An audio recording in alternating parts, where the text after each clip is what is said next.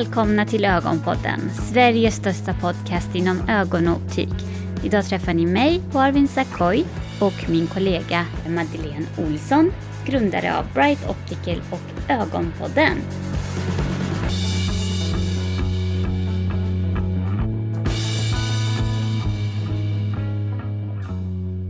Hej och välkomna till Ögonpodden med mig Warvin Sakoy och eh, idag har vi som gäst Madeleine Olsson, eh, grundare av Bright Optical och Ögonpodden. Välkommen Madeleine! Tack så mycket! Hur kommer det sig att Ögonpodden föddes? Det var faktiskt så att det var min dåvarande kollega Jonas Upphagen som kom till mig och hade en idé om att det borde finnas en podd som handlade om ögon och optik. Och eh, jag har lyssnat jättemycket på poddar genom åren och tycker att det är ett eh, jättebra eh, sätt att få till sig ny information. Så det är faktiskt på den vägen att vi båda gillar poddar, både jag och Jonas, och att vi tyckte att det var dags att det nu skulle finnas en ny podd om ögon och optik. Det har ju visat sig vara en framgångssaga så det var ju inte en helt dum idé. Nej, precis. Om vi backar lite, vi tar det från början. Madeleine, vem, vem är hon? Ja, men det är en bra fråga. Jag är eh, 33 år, fyllde nu i somras. Jag är från eh, Sunne i eh, Värmland som ligger sex mil norr om Karlstad. Jag har flyttat runt lite i Sverige, bott i både norr och, och söder, men bor i Stockholm sedan ungefär åtta år tillbaka. Från Sunne till Stockholm och optikbranschen. Ja, precis. hur, hur hamnade du i optikbranschen? Fanns det mycket, eller optikeraffärer i Sunne?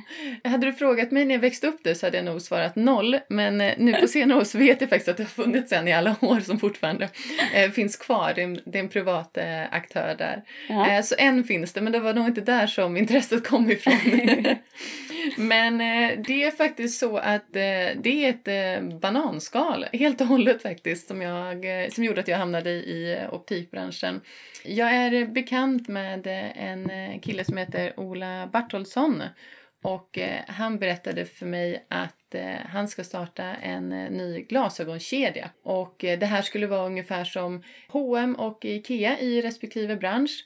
Och jag tänkte att jag kan inte så mycket om optik och glasögonbutiker men definitivt har jag koll på H&M och IKEA. Båda svenska företag, bra prissättning, bra kvalitet, två koncept som verkligen uppskattas både i Sverige och utanför Sverige.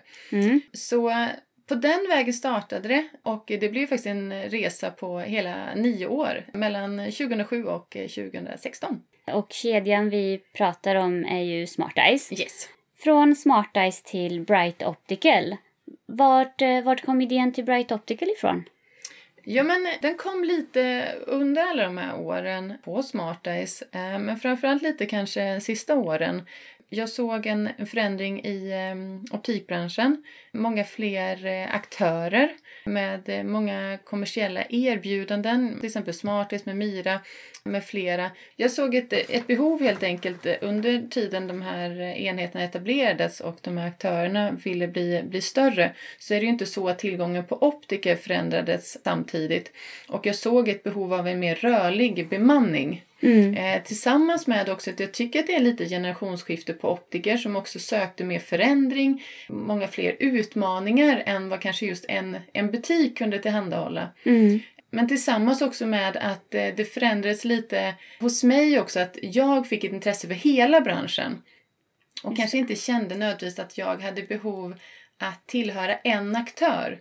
Utan jag var jättenyfiken på alla aktörerna. Mm. Ehm, så tillsammans med att jag såg en förändring av behov men också ett förändrat intresse eh, hur man ville jobba som optiker. Mm. Eh, tillsammans med att jag själv såg en stor potential av att kunna göra det här med bemanning lite bredare och eh, det kändes också som att jag fick upplevelsen av optiker att eh, man var väldigt trygg i sin profession, i sin kliniska kunskap mm. och såg inte något problem egentligen eller något hinder i att kunna utföra synundersökningar, sina arbetsuppgifter hos olika aktörer. Mm, mm. Eh, man kände sig trygg i att man har sina instrument eh, och sin kliniska kunskap. Mm. Um, så, så därav så föddes eh, idén att man faktiskt kunde göra det här eh, utan att tillhöra just en kedja.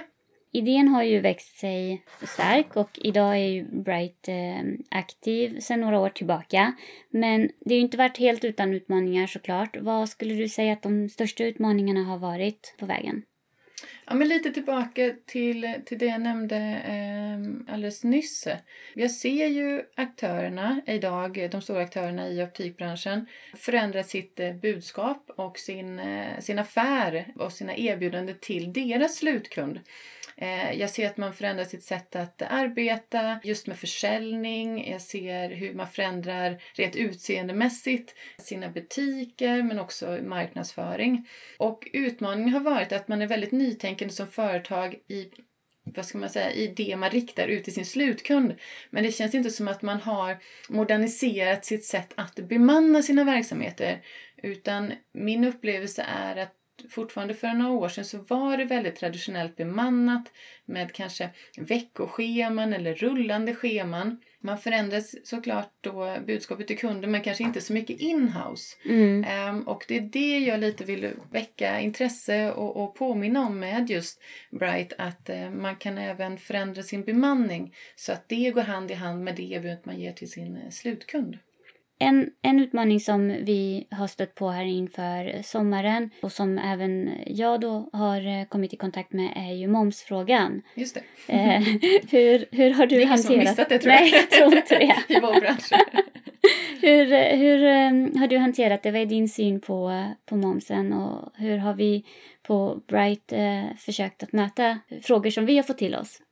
Ja, men jag tycker vi har hanterat den väldigt bra. Jag tycker också att vi var en av de företag som tog det här på, på allvar och väldigt eh, seriöst väldigt tidigt. Man kan nästan säga att det var för ett år sedan redan så vi började prata med våra kunder om det här. Mm. Eh, men framförallt också att eh, prata om det internt mm. och eh, ta ställning till vad det innebär för oss Dels såklart då, då internt men också hur kommer vi eh, bemöta våra kunder och hur kommer det här fungera för dem? Mm. Vad blir deras utfall av ett, ett pålägg då eh, av 25% moms, att den tillkommer från att varit momsfri i alla år. Och det är ju så att det här tillägget av momsen är ju en, kommer ju från att det är en riktlinje från Skatteverket att de har sagt att de, eh, det ska tillämpas från 1 juli ja, eh, 2019. Så det är nu i somras. Så det är ju att man har gjort om sitt synsätt på det här med bemanning. Att är det så att man hyr in eh, personal i bemanningssyfte. Oavsett tjänst egentligen. Exakt, mm. precis. Och eh, oavsett vilka arbetsuppgifter eller vilken profession eller legitimation man än har mm. så anser man att det är bemanningsform och då ska det då eh, tillämpas med 25% moms på ja. inhyrda tjänster. Ja, eh, nu är förhoppningsvis momsen eh, och de frågorna på plats. En annan viktig sak som jag vet har varit en del av Brights eh, grundidé det är ju att vi ska vara kvalificerade i kvalitetsnormen. Just det. Eh, och det har varit viktigt för dig. Ja men precis. När Bright startades så var det väldigt viktigt för mig att eh, det skulle finnas de här hygienfaktorerna på plats. Vi skulle vara en eh, seriös aktör trots att vi var nystartade mm. med hög kvalitet. Mm. Och då var just kvalitetsnormen en, en av de sakerna som jag ville ha på plats. Och vi ska också säga att majoriteten av våra kunder är ju certifierade enligt kvalitetsnormen av, eh, av optikbranschen. Precis. Ehm, så där var det också viktigt för mig att påvisa att vi som ny aktör med våra optiker också ska hålla hög nivå yeah. och att vi också har ett arbets, eh, arbetssätt som är att arbeta enligt kvalitetsnormen. Ja, precis. Vi, vi är glada att eh, vi har de grundläggande förutsättningarna för att kunna erbjuda våra kunder eh, bästa kvalitet på högsta nivå självklart. Ja, och jag tycker också att man ska tillägga att vi är faktiskt den enda eh, aktören eh, som hyr ut optiker i optikbranschen som är certifierade enligt kvalitetsnormen av optikbranschen. Det är lite häftigt. Härligt. Vi går vidare känner jag och eh, tycker att eh, vi tittar på vad, vad händer nu? Vad, vad ser vi komma framför oss? Vart ligger ditt fokus i dagsläget? Ja, det är såklart eh, fokus på, på många saker men först då tycker jag att det är så himla kul att det går så bra för Bright. Vi har vuxit eh, otroligt under våra tre första år. Vi är inne på vårt fjärde. Eh, ökat omsättningen varje, varje år och även med fler anställda varje mm. år. Eh, såklart så ska vi, det är mitt jobb att säkra att vi fortsätter i den riktningen för vi, vi vill ju bli störst och bäst på det vi, vi gör. Eh, så att mitt jobb är ju att såklart säkra tillväxten Mm. Men också se över vad vi kan ha för nya affärsområden, ny, nya potentiella eh, utmaningar såklart. Mm, spännande. Eh, ja, men alltid. är det något som du känner att du vill avslöja?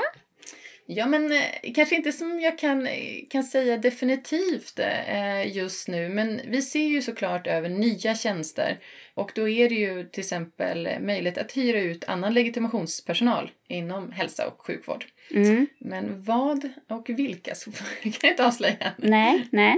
Eh, min erfarenhet av just Bright Optical är ju faktiskt att vi är innovativa och eh, öppna för, för utveckling i, i branschen och även inom företaget eh, självklart.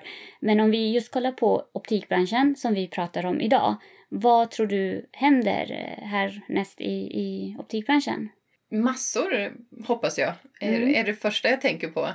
Men jag är också rätt övertygad om att jag tror att vi kommer se en förändring.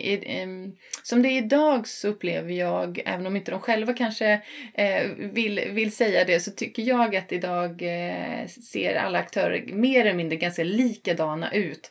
Man gör synundersökningar på ungefär samma sätt. Eh, man erbjuder ungefär samma, samma produkter. Jag tror att det kommer ske en förändring i att eh, man kommer dela upp sig lite. Vissa aktörer kommer säkert erbjuda kanske lite eh, komprimerade synundersökningar där delvis mer teknik involverat. Mm. Eh, kortare synundersökningar, eh, kanske lite enklare produkter. Eh, en snabbare affär helt enkelt. Men sen tror jag också att det kommer finnas de aktörer som snarare tar ett annat kliv i en annan riktning mm. och blir mycket mer kliniska. Mm. Mer instrument, längre synundersökningar och eh, kanske man säljer produkter eh, som har fler, tillämpar fler användningsområden. Eh, mm. Det är mer ett genomarbetat led från, från vad ska man säga, A till Ö. Så jag tror att det kommer bli lite att man delar upp sig. Man, man väljer lite höger eller vänster mm. vad det är idag. Och det är ju såklart en extremt spännande fråga som man eh, kan spekulera i länge.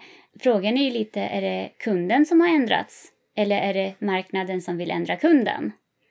Nej, jag tror faktiskt att i det här eh, sammanhanget så är kunden som vill ändra branschen omedvetet. Mm. För man använder sig av eh, så mycket mer teknik i, idag.